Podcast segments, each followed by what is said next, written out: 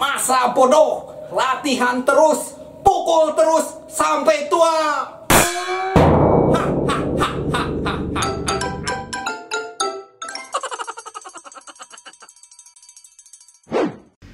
Halo teman-teman, kembali lagi di channel Total Perkusi seperti biasa di Perkasen Talk. Oke, teman-teman, eh, di samping saya sudah hadir eh, seorang perkusionis Indonesia. Eh, mungkin nanti dia akan cerita lagi. Eh, namanya Mas Bowie. Oke, Mas Bowie, please tell yourself. Terima kasih atas undangannya eh, ke perka- total per- total perkusi eh, percussion talk ya. Oke. Ya jadi eh, saya sebenarnya ke sini tuh tujuannya untuk ketemu Mas siapa tuh yang chef itu chef siapa di episode sebelumnya itu ya. Cek Mas Pur. Saya Mas Mas Pur Mas Pur ya. Percussion talk ya. Perkasen Talk. itu orang Jepang itu kalau ngomong sederhana jadi Siti Rohana. Iya, iya. Oke. Ya, Ah. eh, saya eh, main timpani sebagai nasib dan eh, harapan juga akhirnya mau nggak mau udah kecemplung sini walaupun eh, mungkin saya tidak seperti teman-teman di sini atau yang episode sebelumnya yang memang makan sekolahan gitu. Saya sini lulusan UI dan di UI nggak ada jurusan musik, tapi eh, ada saya menekuni perka- eh, timpani ini karena waktu di UI itu ikut orkestra mahasiswa Oh. yang isinya bukan anggota eh, sorry bukan pelajar atau bukan eh, mahasiswa Itu seperti musik. apa ya? UKM. ABM, oh, UKM ya. UKM ya. UKM di UI. Namanya apa tuh kalau boleh tahu? orkes sim- UI eh, so- orkes simfoni UI atau OSUI Mahawaditra Tahun berapa waktu itu? Eh, saya ma- Mas di. Mahawaditra waktu itu pertama nyentuh timpani itu tahun 90 waduh udah 30 tahun ya tapi kemudian baru kemudian ada diajak sama Orkes Simfoni Hmm, Jakarta Mas oke. Yudi tahun 93 94 dan sejak itu jadi eh, keterusan era sampai 90-an sampai lah ya. era 90-an ya Oke. the 90s Terus eh, dulu memang up backgroundnya eh, Ya, musik juga eh, belajar musik, perkusi saya juga. belajar musik sebenarnya ya les piano gitu kalau notasi balok itu karena di lesin sama orang tua saya piano gitu private ya klasik Hmm.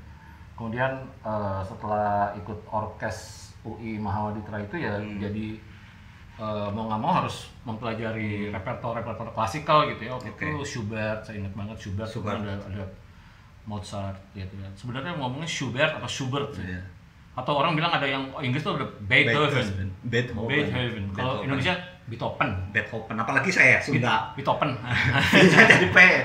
Beethoven. Beethoven. ya, terus eh, kemudian eh, berdasarkan eh, pengalaman-pengalaman itu saya coba menggali lebih jauh ternyata timpani itu menarik banget gitu dan memang eh, seperti yang waktu itu episode sebelumnya Alvin pernah Hmm. ngomong ya jadi prinsipalnya London eh, London Symphony atau LSO itu memang dia bilang di situ bahwa jabatan sebagai pemain timpani itu adalah sebuah kebanggaan dan kehormatan juga. Hmm. Nah, itu mungkin harus dijaga baik-baik karena Itu tanggung kan. jawabnya sangat besar, Iya, iya. tapi sekaligus juga mengasyikkan. Iya. Walaupun dalam beberapa hal ada yang menegangkan dan men- nervous itu sebenarnya biasa dalam Biasa. itu. Justru di situ yang buat ketagihan ya. Justru itu buat ketagihan. Jadi pengen coba lagi, pengen, Pengen- coba lagi pengen gitu. lagi. Walaupun sebenarnya ada sedikit kalau setelah kita dengar rekamannya misalnya gitu Iya. ya, ada penyesalan. Wah, kenapa nggak begini? Kenapa saya begini ya gitu. Tapi memang di mana-mana penyesalan Hmm. itu belakangan. Iya. Karena kalau di depan namanya uang pangkal. Oh pintar. Selain, selain main timpani juga humoris ternyata. Kocak juga. pendaftaran. Oke. eh, nah, pasti kan eh, kenapa kau tertarik ada apa dengan timpani sehingga Ya. eh, Mas Bowie memilih timpani dari sekian banyak instrumen perkusi terus fokus ke timpani. Pertama-tama sebenarnya eh, mungkin sedikit diluruskan dulu ya. Orang Hmm. eh, eh, selalu bilang timpani itu adalah alat musik perkusi. Justru Hmm. ada yang saya baca, artikel yang saya baca Hmm. malah timpani itu bukan perkusi, dia adalah ngikut makanya dia selalu ngikut sama low section ya, Hmm. bass, kemudian trombon, eh, Hmm. brass dan dan Hmm. dan eh, low string bass. Jadi Hmm. dia ngikut kepada eh, tapi saya bilang ya perkusi karena di karena Dipukul ya, cara memainkannya. cara. Nah, eh, pertama kali saya melihat gelaran orkes simfoni Jakarta saya tuh tertarik nih sama sama sama timpani itu. Kenapa kok mainnya cuma sebentar kebanyakan diem seperti ini. Kalau diem tuh ngapain gitu ya. terus juga eh, kenapa dia harus menundukkan kepalanya begini? Apa dia mau ciuman sama timpani apa seperti apa gitu? Ternyata belakangan baru tahu oh dia tuh sedang mencari nada Hmm, mencari gitu nada. ya. Itu dan eh, kemudian setelah saya masuk UI gitu saya langsung menyasar wah ini timpani Nah, ternyata nggak langsung diterima gitu karena sudah ada pemainnya. Sebelumnya sudah ada. sebelumnya jadi saya mesti nunggu dulu kemudian pas ketemu lagi eh ini pemainnya baru resign. Oh bisa baca not balok bisa. Bisa main drum eh, bisa bisa perkusi. Saya main drum juga pernah les Oh, drum lah gitu pernah. Memang saya eh, basicnya piano dan drum langsung dikasih stick dikasih partitur minggu depan latihan seperti itu. Wah itu kan langsung bingung ya gimana tuning apa belum tahu blast gitu ya. Makanya pukul-pukul sesuai dengan ketukan tapi mungkin adanya berantakan waktu Iya. pertama kali itu. Kemudian perjalanan berikutnya sering main sering main ya akhirnya eh, karena si konduktornya waktu itu almarhum Praharyawan Prabowo itu juga ngasih buku ini baca mengenai timpani dan segala macam. Ketemu sama Mas Fataji gitu acara orkestra Indonesia gabungan orkestra Indonesia ada ISI ada UI ada dari Padang Panjang dari mana-mana Medan satu, gitu ya ya. jadi satu gitu. Kemudian kenalan sama Fataji gitu terus ya banyak ngasih saya sumber-sumber. Jadi semakin ketagihan. Wah belajar tuh kan sticking itu gimana eh, roll stroke dan roll gitu. Apa bedanya stroke dan bedanya roll? Kenapa harus eh, seper 16 atau seper 32 dan sebagainya sebagainya gitu. Dan beberapa repertoire juga. Terus ya begitulah. Akhirnya terus em, ada Facebook gitu kan. Men- apa, menjalin pert- pertemanan dengan beberapa pemain timpani dari Jaringan-jaringan. jaringan-jaringan itu berluas. Jadi saya sekarang alhamdulillah ya cukup kenal juga. Walaupun saya merasa wah jangan disejajarkan mereka itu the principal dari uh, Chicago Symphony dari uh, LA Philharmonic gitu segala macam tapi yang menarik nah nanti sebenarnya ada menariknya ketika di Amerika itu saya malah bisa sempat memainkan timpaninya Chicago Symphony yang harganya satu miliar itu gitu Uh, itu sangat.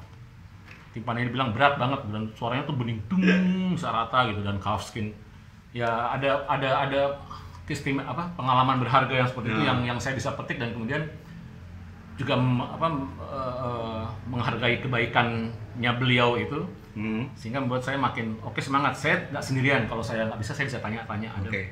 forum-forum seperti Jadi itu. artinya yang dulu mimpi itu bisa bisa malah lebih dari itu iya, ya. dari Oke. Dan Baik. ini juga utang saya untuk teman-teman Iya. semua. Saya juga bisa membagikan apa yang saya bisa bagikan, terutama untuk uh, Iya. teman-teman. Kalau walaupun saya bukan uh, tidak mengenyam pendidikan musik formal seperti uh, kuliah di ISI, pengennya seperti itu, tapi karena waktu itu mungkin tidak disetujui, tidak Iya, disetujui iya. orang tua dan sebagainya. Iya. Pokoknya kenapa milih UI? Karena ada orkesnya.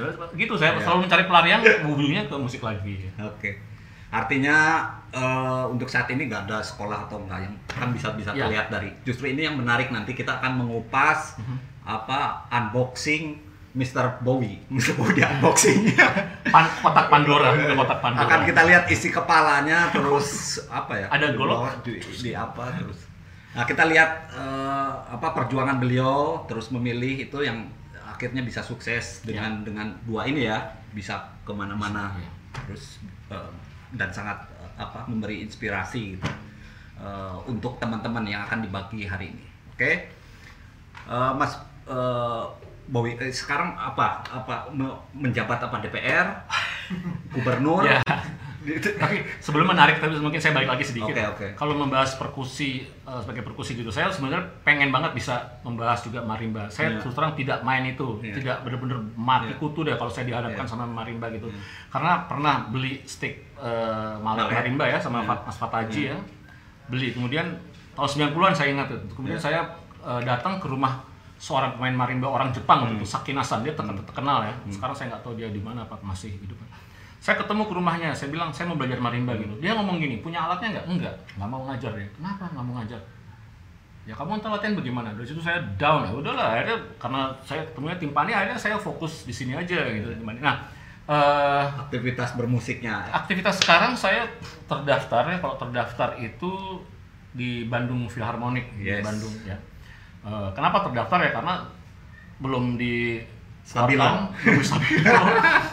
masih terdaftar di list gaji. Nah ini Iya. artinya terdaftar itu ya alhamdulillah nanti kita bahas kenapa di Indonesia itu Hmm. iklim audisi masih belum begitu terkenal gitu sementara eh, di Amerika gitu audisi Hmm. itu bisa setiap saat kebetulan Bandung Philharmonic memang mengadakan audisi dan waktu itu saya ikut Hmm. dan kemudian saya eh, alhamdulillah Lolos. lolos Secara adat. secara adat dan secara manusiawi wah Oke, terus selain itu apa Ya. lagi? Ya Selain ya, akhir-akhir ini eh, proyek apa yang sudah di Ya, dengan tim jadi Tani? ada uh, kemudian saya juga diajak ikut orkes komunitas, komunitas gereja namanya Voice of Joy. Hmm. Uh, dia choir, tapi kemudian ada ya choirnya mungkin kalau gereja kan choirnya dia mereka benar-benar uh, sebagai ibadah Hmm. pelayanan, tapi musisi itu dihargai dengan layak lah. Oke. Jadi uh, musisi ini mengiringi choir itu dan justru karena orkestra komunitas yang bukan komunitas resmi itu Eh, bukan bukan resmi maksudnya bukan yang profesional secara ini saya malah bisa keliling Indonesia dan beberapa negara kayak Malaysia dan Vietnam Hmm. artinya kalau saya udah ke mana aja Indonesia gitu udah ke, ke Kalimantan sampai ke Ambon sampai ke mana itu gara-gara orkes ini alhamdulillah juga gitu. nah eh, jadi dua itu orkes yang ini selainnya eh, lainnya mungkin kalau ada pernah dijadikan pemain pengganti di Twilight sekali doang. Session- session gitu. session ya ada Ya. satu konser saya dihubungi Mas Adi bisa nggak main ya bisa itu Eh, kemudian Juga ngefans ke Beatles ya. Ya, itu dia di konser Beatles sebenarnya. Jadi udah ngefans Beatles mainnya Beatles jadi ya nyanyi nyanyi sendiri juga juga sendiri lah seperti itu heboh sendiri di belakang timpani ini. Terus kemudian yang terakhir kemarin saya ikut ada rekaman untuk project operanya Ananda Sukarlan dari drama atau dari tulisan uh, Daus Dekker atau Mutatuli judulnya Saija Adinda itu Romeo and Julietnya zaman Versi Belanda lah versi Belanda, versi zaman- versi Indonesia zaman Belanda gitu musiknya sangat bagus banget saya pengen tahu kalau udah jadi seperti apa gitu karena kita rekamannya kan Oh ini masih proses ini. proses bu Belum- rekamannya belum sudah Premier sudah udah? belum Oh, belum, belum. belum. Oke. jadi perekamannya sendiri sendiri udah digabung dengar musiknya udah ini Itu rencana di mana tuh? Di mungkin di masih streaming apa? Enggak, jadi direkam operanya udah direkam semua. Mungkin ditayangkan di TV atau ditayangkan di YouTube saya nggak tahu. Jadi belum, tahu di mana. tahu di mana. Oke, jadi tunggu aja kalau ada nanti opera Saija Adinda. dan Adinda, beliau yang main terus ton, eh, tonton ya. Ya. Jangan lupa like tepuk dan Tepuk tangan. subscribe, subscribe. Apa Yes. itu subscribe? Ya, subscribe cep. Oke, eh, nah sekarang eh, Mas Boy Ya, dari tahun 90 kan udah lama kan Ya. artinya sampai ini terus sudah melanglang eh, ke mana-mana. Apa perbedaan gitu ya Pak Timpani situasi di sini sama di luar dulu? Biar buat gambaran teman-teman dulu globalnya itu bagaimana? global gini ya. Eh, habit kebiasaannya misalnya. saya kira ini dari kebijakan ada kebijakan dari pihak pemerintah atau perbankan juga misalnya gini. Orang Indonesia ini eh, profesi musisi itu masih belum dianggap seperti profesi misalnya pengacara kayak peng- dokter segala macam. Yang yang ketika ingin mengajukan kredit ke bank misalnya kredit di bank itu eh, tidak menemukan kemudahan Jaminannya itu. jaminan seperti apa wah pekerjaannya musisi wah susah begini begini begini. karena dianggap tidak memiliki penghasilan yang tetap tetap seperti itu. Nah, sementara di luar negeri itu musisi itu mereka musisi orkestra katakanlah gitu. Mereka punya kontrak misalnya selama setahun dua tahun dan sudah sudah di eh, dijamin udah secure artinya sudah sudah pasti mereka akan dapat gaji berapa ini sebulan. Dengan berapa pergelaran misalnya sudah di set pergelaran itu setahun eh, berapa berapa repertoire berapa program. Walaupun dia nggak main dia juga mendapatkan bayaran di situ gitu ya. Jadi kayak sepak bola. kayak se- sepak bola Ya, gitu ikut tim ya. mana gitu dia dapat mana, gaji terus lama. pemain cadangan nggak dapat Oh, gaji gitu ya. pemain cadangan. Walaupun dia nggak main duduk aja. Nah eh, saya pernah katanya di Australia itu saya saya sempat mengenyam S2 karena nggak mungkin saya masuk musik Hmm. saya ambil manajemen tapi tujuannya sebenarnya supaya bisa musik musik lagi, lagi akhir gitu ya akhirnya. manajemen musik gitu ya itu rekamannya Mas Dwiki Darmawan kalau Hmm. nggak salah itu Eh, jadi di studio itu saya ketemu pemain timpaninya kenalan sampai sekarang tuh masih berhubungan baik gitu ya. Hmm. saya tanya pertanyaan yang mungkin wa- wajar di kita tapi Hmm. Bagi sangat- mereka jadi bagi aneh. Hmm. mereka jadi aneh mungkin tolol gitu ini timpani nyawa di mana saya tanya gitu nyewa. "Oh, ini punya saya sendiri gitu. Oh masya allah saya bilang. Punya sendiri timpani loh orang Australia loh. Punya timpani sendiri yang Dresden yang pedalnya tuh di samping gitu yang dan eh, apa saya bilang wah maaf ya kalau di Indonesia main timpani masih naik angkot ke mana-mana. Saya bilang gitu aja. Angkot? What is angkot? Angkutan kota. Angkutan kota. Is koin Jadi- koin koin. Apa jadi ya eh, eh, kayaknya pemain timpani di eh, di mana-mana itu memang punya sendiri dan caranya karena mahal ya ada kredit atau Khusus apa ya. khusus ya untuk untuk itu ya sama seperti marimba juga kan Seperti Tidak marimba orang- gitu. dia memang orang-orang Tapi memang ada yang. Yang Kalau masa pandemik ini memang ada yang dibilang timpaninya tuh timpani dia karena dia eh, kerjanya di kota apa, Iya. teman rumahnya Iya. di luar kota, timpani dia nggak bisa ke mana-mana, nggak bisa pulang kampung, nggak bisa ini dan juga nggak bisa datang ke studio untuk latihan. Jadi dia hmm. jadi dia tidak bisa mengakses. Ada juga ya, seperti itu. iya. ya. Memang susah untuk mengakses. Dan bagaimana sih eh, cara kerjanya itu ketika eh, pemain timpani bayar eh, in- di Indonesia sama di luar? Bagaimana proses rekrutmennya? Oke. Kalau kalau kalau di di barat kan mungkin ada lowongan pemain timpani. Ya, Nanti ya. pasti kan ada kayak bintang film kan di, Ya, di ya. audisi dulu. Ya, ya. Kalau di kita bagaimana di di sana bagaimana dan prosesnya yang- seperti apa? Ya, yang saya eh, kebetulan saya eh, men- eh, eh, apa, punya kenalan baik ya dengan op- eh, prinsipal timpaninya eh, opera Australia. Hmm. Nah ini opera ini kita bicara repertoire opera beda dengan op- repertoire sim, eh, simfoni ya. Hmm. Opera itu biasanya durasinya lebih panjang dua jam tiga jam mungkin dia main cuma berapa ini segala macam. Eh, dia bilang ya eh, dia dia ikut audisi dia berapa tahun main dan, dan cukup cukup lama juga dan eh, dia mengajar juga sebenarnya seperti itu dan kalau kayak di Malaysia katakanlah di Malaysia Philharmonic gitu ya pemain timpani itu eh, nggak hanya pemain timpani. Beberapa section itu biasanya orang asing yang mereka di hire direkrut dan dikasih eh, akomodasi lah gitu disediakan eh, segala macam di, di di Kuala Lumpur. Itu mereka harus mengajar di institusi sekolah musik ya. Mungkin kalau sini mungkin isi. Gitu. Hmm. Eh, artinya ada transfer of knowledge ada Hmm, ada ada ada perpindahan eh, pengetahuan, pengetahuan iya. gitu, untuk supaya nantinya bisa mencetak eh, pemain-pemain baru di Iya. ini. Tapi khusus tapi yang menarik justru saya bicara dengan eh, prinsipalnya Singapore Symphony dia orang Denmark. Dia bilang saya ngajar tapi kayaknya generasi muda Singapura tuh nggak mau ini pemain timpani artinya ya Tidak ya, tertarik seperti Iya, jadinya tertarik. dia akan mendapatkan posisi itu, mempertahankan posisi itu sampai dia ini, sampai dia pensiun barangkali dan Ah. itu sebenarnya menguntungkan juga buat kita kita ini karena kan pemain timpani cuma satu. Iya. Kalau mau kita mau melamar di orkestra itu nungguin dia mati, mati dulu, dulu. nungguin dia Ah. pensiun dulu seperti itu. Sementara kalau uh, uh, untuk pema- uh, section lain, misalnya string yang agak banyak itu mungkin dia bergulirnya bisa lebih cepat Hmm. dan sebagainya. Gitu. Tapi yang pasti audisi itu memang tiap saya nggak tahu tiap sesi apakah tiap uh, setahun dua tahun atau bagaimana gitu ya.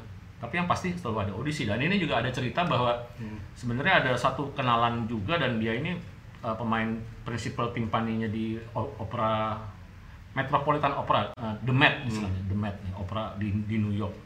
Dia tuh malah tadinya malah saintis dia, dia sebagai saintis di di apa, peneliti gitu, peneliti nano nanoteknologi. Bayangin nanoteknologi selama 10 tahun, tahu dia jadi pemain timpani di opera metro uh, yang sangat tinggi ya. luar biasa gitu. Dan dia bukan bukan dia sekolah musik tapi tidak double degree gimana maksudnya jadi bukan bukan bukan gelar yang utamanya karena dia de- degree utamanya yang sains itu Scientist, Ilmuwan il- itu. eh, ilmuwan tapi kemudian dia menjadi contoh bagi saya mungkin idola yang saya juga bukan eh, lulusan sekolah musik Hmm.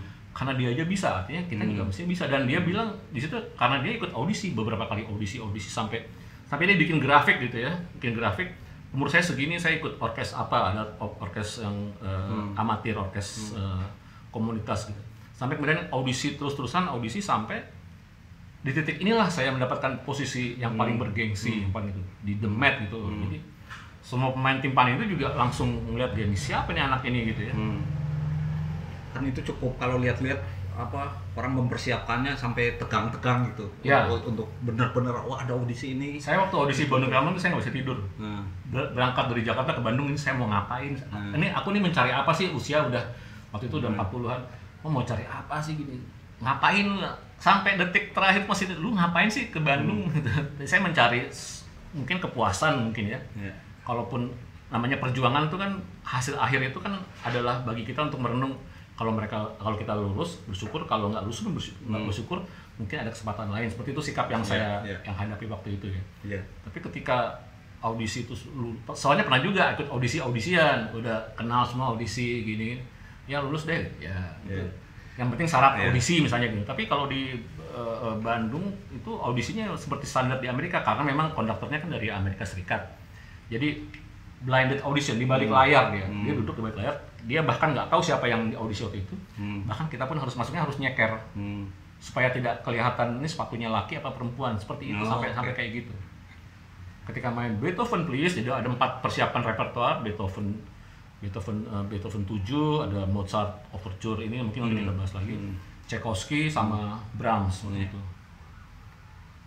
Berarti itu eh, artinya eh, kayak kayak di apa audition all state gitu. Dia punya Ya. punya kar- karakter eh punya standar khusus. Ya. Gitu. Kira-kira eh, kalau di di kitab perlu nggak tuh mempelajari itu apa maksudnya untuk Ya. bahan-bahan untuk audisi itu atau karena di Indonesia nggak usah lah gitu atau Ya, bagaimana eh, menurut eh, Mr. Bowie? Eh, audisi jadi sebenarnya setiap audisi sebenarnya kan memainkan part Hmm. yang kita mainkan dengan baik dan benar. Saya malah dengar ada rekan musisi di Jakarta gini karena kita tahu sendiri lah musisi di Indonesia itu kalau lu hari ini bisa nggak bisa nggak kalau nggak bisa oh ini Ya, dia ya. kita punya list daftarnya. nama-nama daftar nama. Nah bagi mereka eh, bagi musisi-musisi Indonesia ini saya pernah ngobrol gitu kita tuh tiap hari audisi gitu. Kenapa? Ketika lu mainnya jelek mungkin besok Oh iya, Ya, jadi atau udah di- real time real ya. time langsung Ah, audisinya oke. gitu. Jadi guys, kalau di kita ini real time audisinya. Salah satunya Dan- didengerin kalau kepake ya terus, kalau enggak ya di stabilo gitu. stabilonya merah lagi ya. Kalau stabilo hijau masih Cukup mending ya. sekali gitu. Cukup sekali gitu. Stabilonya yang merah yang sampai enggak bukan stabilo kali spidol Ya, tebel. spidol merah kalau kuning ya kalau yang ininya nggak masuk bisa lah diganti lagi. Dan kadang-kadang yang menyakitkan tuh gini, misalnya kita main sekali gitu ya. nggak ada tidak ada bukan penghargaan tapi oh ya mainnya bagus gini-gini atau enggak pokoknya diem aja diem tapi tahu-tahu jeblok loh kok saya nggak diajak tahu-tahu udah Ya. orang lain yang main nah Ya. kayak gitu tuh yang sangat menjadi apa cukup eh, menjadi baper lah gitu Iya. bikin baper Oke. Terus perlu nggak kita mempelajari, mengetahui? Ya. Siapa tahu kan suatu saat misalnya kan global market ini kan, ya kita boleh ikut aja. Misalnya eh, negara mana buat nih untuk timpani misalnya, kita boleh aja. Misalnya, ASEAN ASEAN udah misalnya, ya, ASEAN itu sudah ASEAN market udah. ya Nah, artinya misalnya ya, kita seperti itu gimana? bisa aja gitu karena saya mohon maaf kalau saya pengamatan saya bukan mau menjelek-jelekan kita tapi kita dibandingkan Vietnam kalau Singapura Hmm. Thailand, Malaysia udah Vietnam. udah ini ya Thailand Viet, eh, Thailand Singapura Malaysia udah ini tapi Vietnam ini yang sebenarnya masih eh, udah negara kayak maju gitu dia tapi dia struk- eh, kulturnya udah dari dulu sih zaman perang aja mereka punya konservatorium di bawah tanah gitu untuk untuk pelatihan dan musik itu ya. memang kiblatnya kan ke Rusia tapi kalau bagi bagi saya sebenarnya cukup penting mem- mem- mempelajari eh, eh, audition hits ini ada buku saya ini Boleh, yang tunjukkan. yang, yang gini Dicum, dicum. ya. Weng, weng. Wah ini ngantuk-ngantuk kameramennya. Dipecatin nih stabilo berarti ini terbukti nih. Berarti cukup sekali aja ya nanti stabilo. Nggak bener. apa eh, terima kasih atas penghargaan apa dedikasi anda Iya. tapi tapi Tapi ah, sebenarnya dalam hatinya ah, kamu cukup maaf. sekali Ya, aja. ini namanya Working Timpani Survival Guide atau mungkin pertolongan Bahasa Indonesianya pertama, itu. bahasa Indonesianya mungkin Pertolongan. bagaimana pertolongan pertama pada eh, Ketunjuk ya. pada situasi darurat gitu istilahnya gitu ya.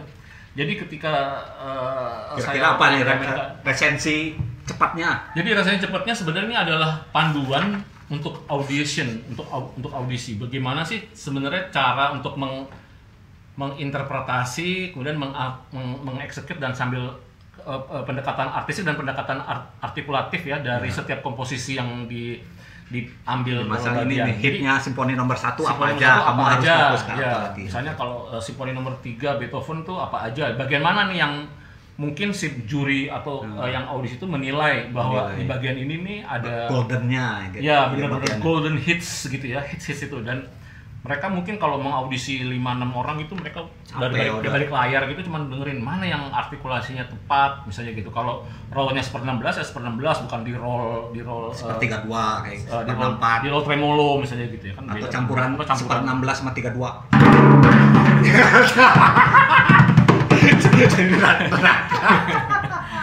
Kemudian kalau ada, itu yang susah memang. Kalau saya masih mempelajari di mana nih ada aksen di di ketukan yang pertama, Hmm. ketukan keempat dan sebagainya. Nah ini juga bagaimana setting setting timpani mungkin dibalik begini karena mungkin akan akan mempermudah Hmm. eh, dalam eksekusi nantinya dan sebagainya. Ya.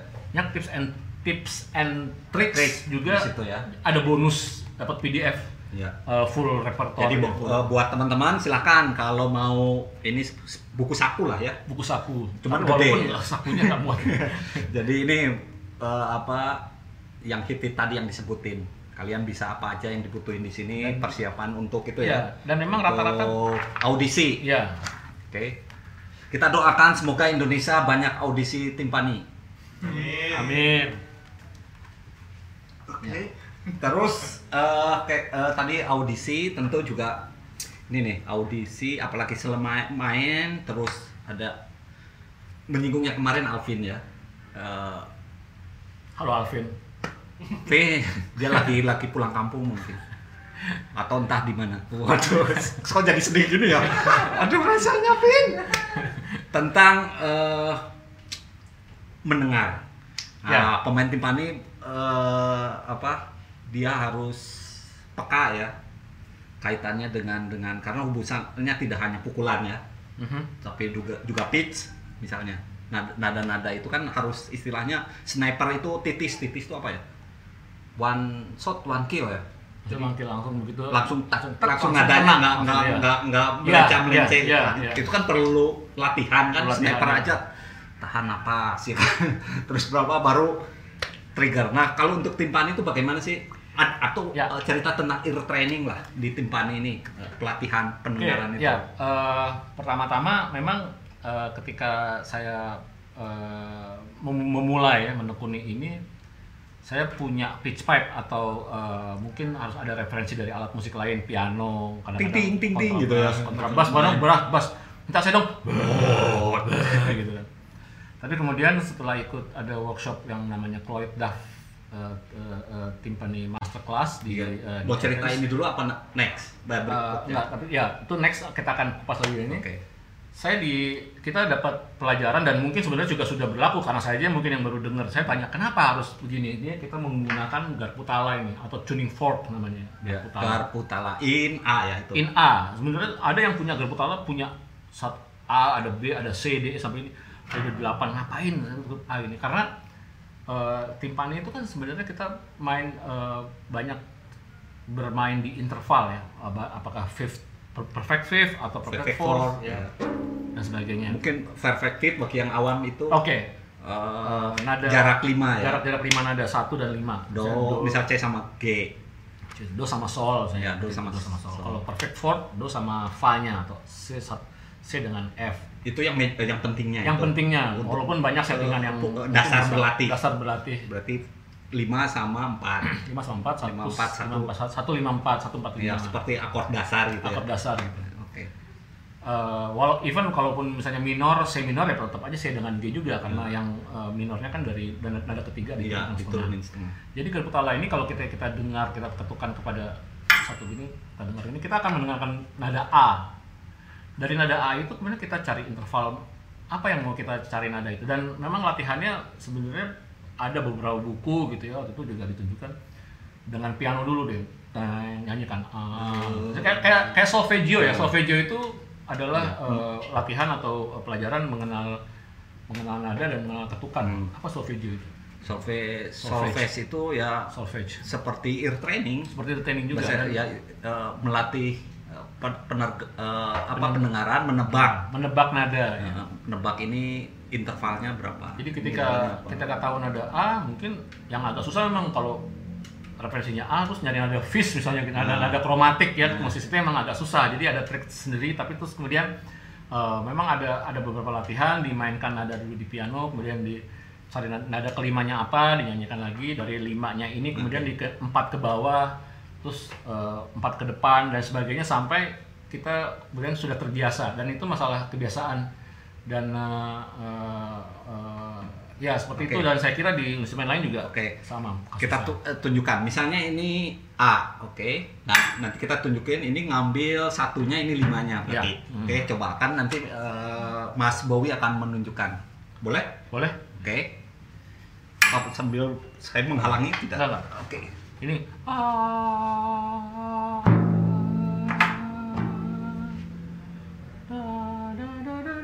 tuh, tuh limanya.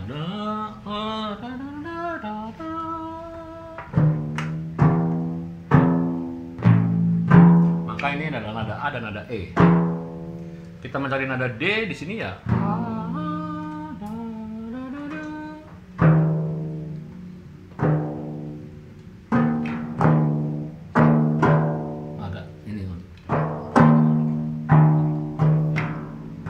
ini yang dibahas juga di episodenya Alvin kemarin itu ketika di tengah-tengah pergantian nada itu kita harus segera siap-siap makanya timpani itu ada tuning gauge ini yang harus kita- gauge gitu ya. gauge Bukan toge. Kalau kemarin jipot. Sekarang toge. Tuning gau gau apa? Eh, biasanya gauge, gauge, gauge, tuning gauge. Tuning gauge. Ah, eh, tuning gauge ini juga bukan bukan panduan yang mati gitu karena dia Mati. bisa berubah juga. Apalagi Dia suhu tetap- juga pengaruh ya. suhu pengaruh Ketika juga. Kita tinggalin sebentar gitu, mungkin istirahat makan betul tuh udah beda lagi. Jadi Iya. memang seperti itu. Berarti tetap ini ya. Tetap tetap tetap kuping juga dan dan kalau kita menyanyikan ada itu ah kalau kita deketin sini dan nyanyi di di, di eh, sorry di humming Hmm. Hmm, dan dia akan bunyi Hmm, ada itu. Tapi artinya eh, apa ada simpatetik uh, simpatetik antara head dengan ini. Kalau Iya. kita menyanyikan uh, kita menghumming nada A tapi timpaninya uh, nadanya Diem aja. beda, dia nggak bakal bisa. enggak tidak tergetar hatinya. Hmm. Berarti seperti cinta ya. Kalau cinta. ceweknya juga tergetar, kita juga menggetarkan sehingga saling bergetar. Kalau nggak bergetar kita kasih aliran strum aja.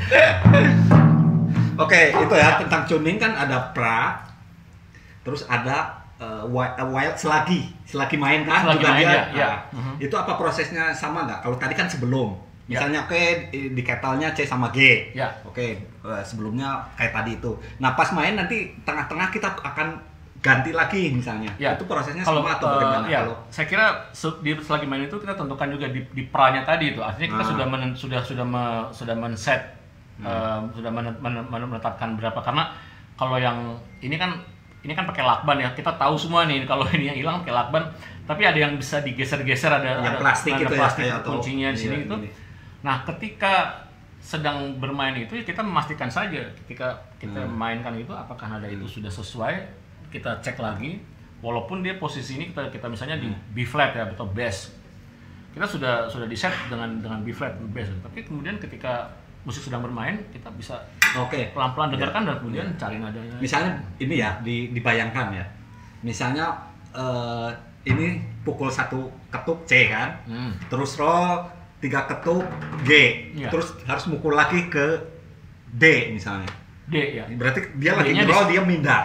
D-nya di sini apa Ya di sini, eh Oh, di sini, di sini. C dia ke Mungkin F kali. eh, ya? Ya. contoh ke Contoh, F ya. misalnya.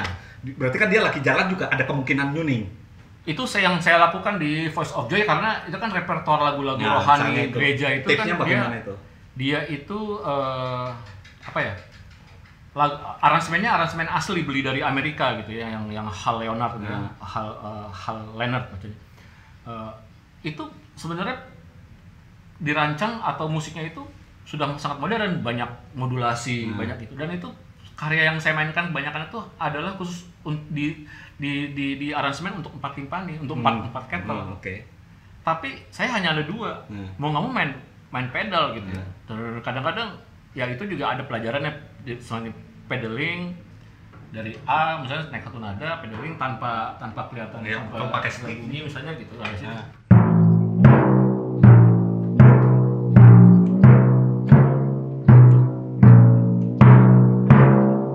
Itu juga lat- latihan ini terus terang saya udah nggak nyentuh sejak Maret timpani sampai November kemarin. Tapi tapi intinya ketika kita mainkan eh, itu kan ada satu jeda satu satu saat di mana ketika kita menaikkan eh, pedal misalnya ke nada yang kita tuju itu dia kapan mukulnya? Sehingga tidak ada terdengar suara gelisnya. gitu kalau ya. enggak kan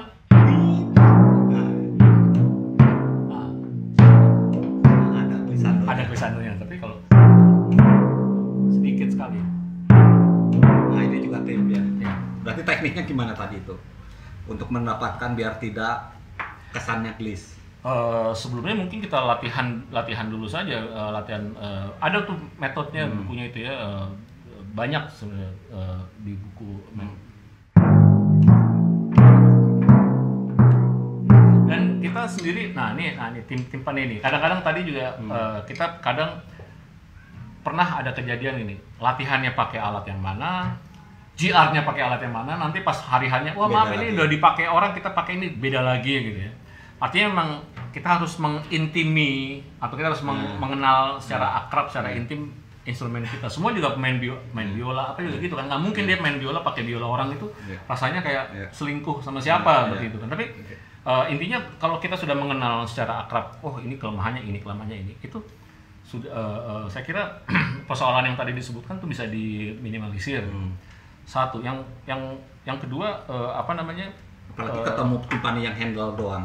Gimana? Wah pernah itu handle doang dan ada yang engkol gitu yang satu kalau satu kali pedal itu Iya. satu nada untuk satu nadanya engkol itu lima kali kali. putar gitu kan padahal timpaninya banyak sekali uh, key change Iya. dan saya selalu membuat marking gitu kan ini nada ini pindah ke sini nada ini Iya. itu yang namanya timpani marking di atau memberikan tanda-tanda itu. di partnya itu juga sebenarnya sangat menolong gitu oh ini harus di harus ini harus karena bisa saja dari eh, dalam satu passage ini masih main satu Hmm. crash nih di do sama dengan G atau naik jadi in as do, eh, tiga eh, tiga mol as ya Hmm. Iya. Eh, empat sorry empat Empat. empat mol ya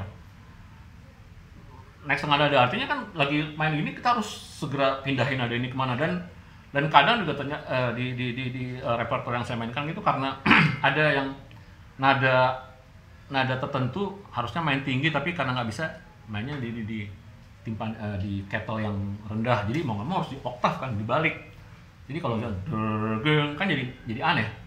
Dergeng pom gitu. Seperti itu. Jadi Hmm. misalnya kalau G sama C tapi malah kebalik. Jadinya C-nya di sini G-nya Kebalik. Di jadi bawah gitu. Nah, jadi Ah, ah.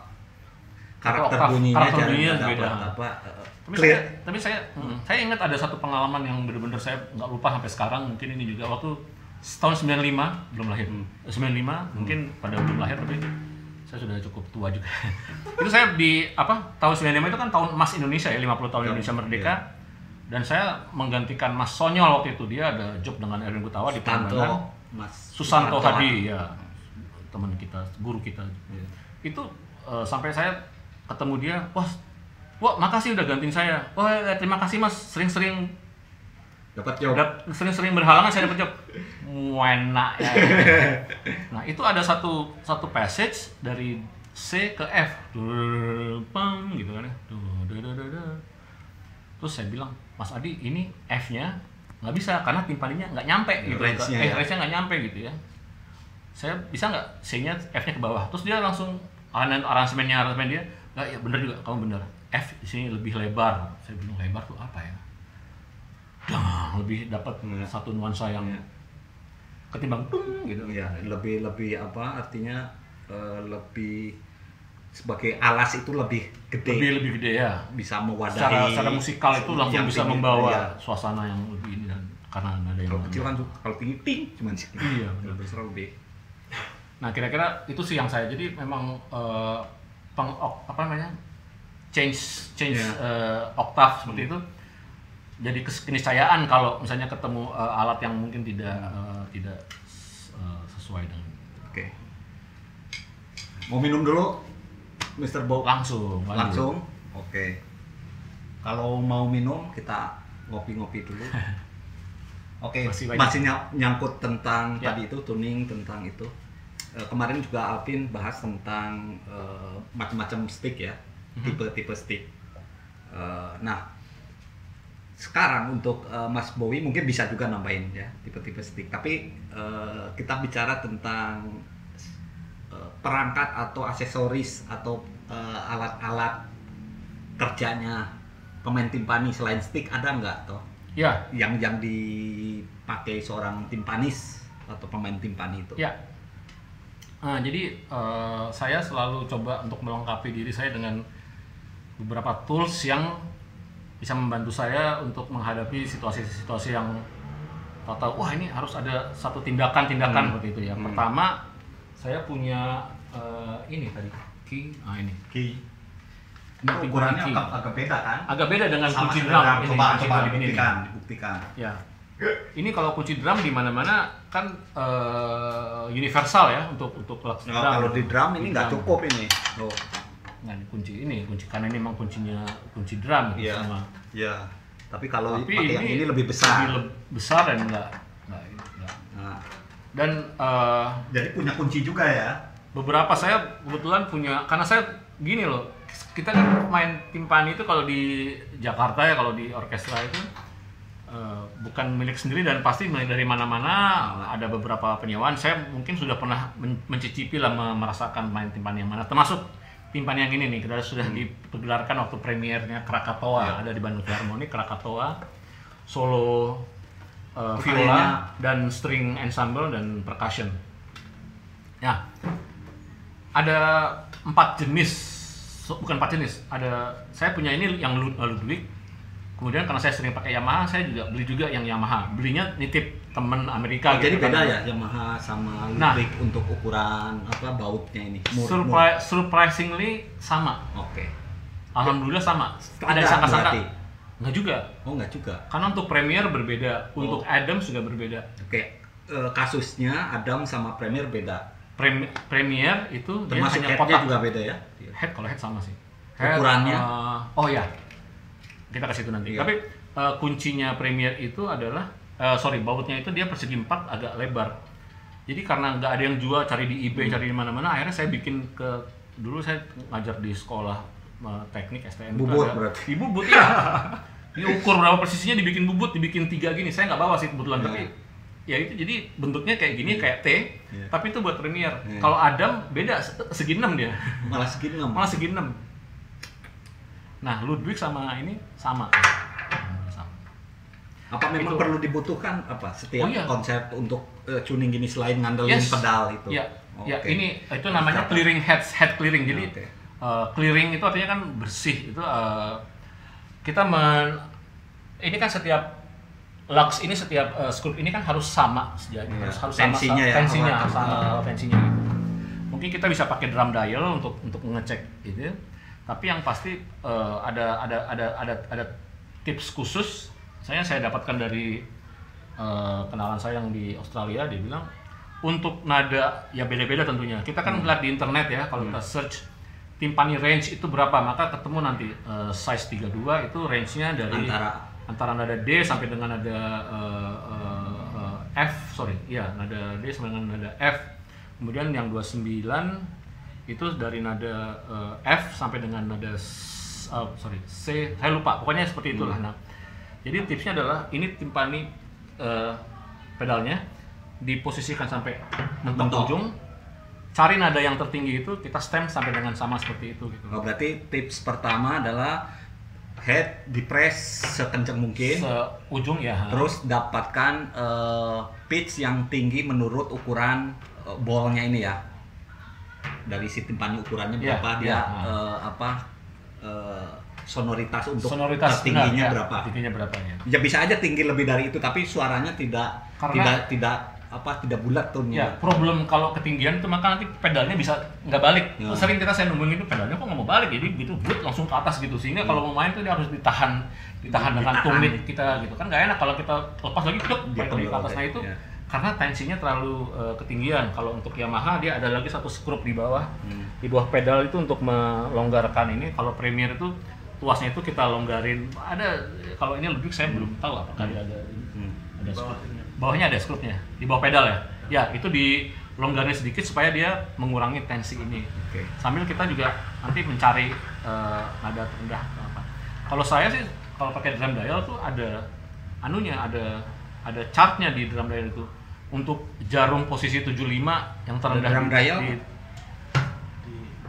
silakan baru saya mau bawa tapi saya pikir nggak punya Pak nanti pasti punya. Oke, saya, saya terusin. Jadi kalau pakai drum dial ada posisi jarumnya gitu kan, kayak kayak timbangan kue gitu kan. timbangan kue gitu.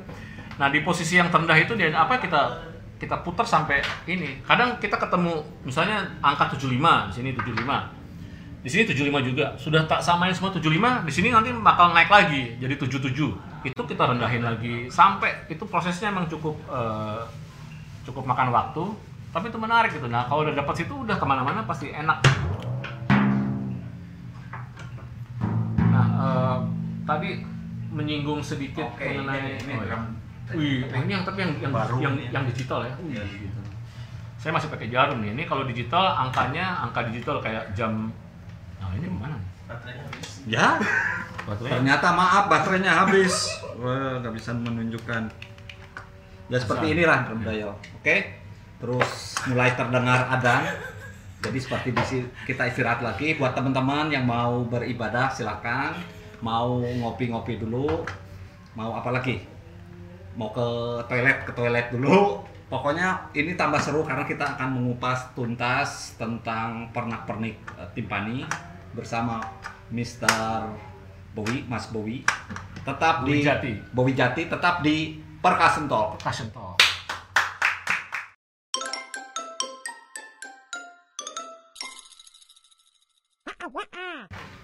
Kembali lagi di Percussion Talk. Kita nerusin obrolan tadi tentang aksesoris di timpani. Tapi sebelum ngobrolin ada apa perkakas-perkakas atau aksesoris yang dimiliki seorang pemain timpani, kita kedatangan, eh bukan kedatangan.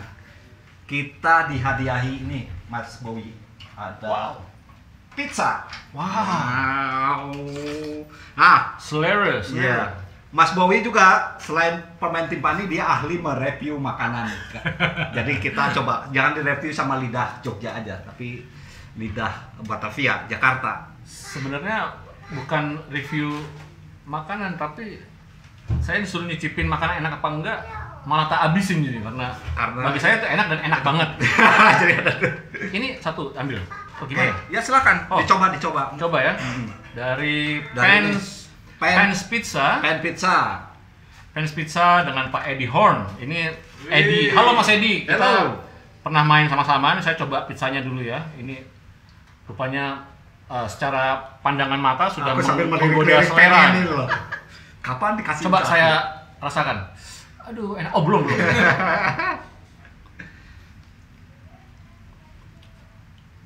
Hmm. Luar biasa. Hmm, zoom. Hmm. Zoom.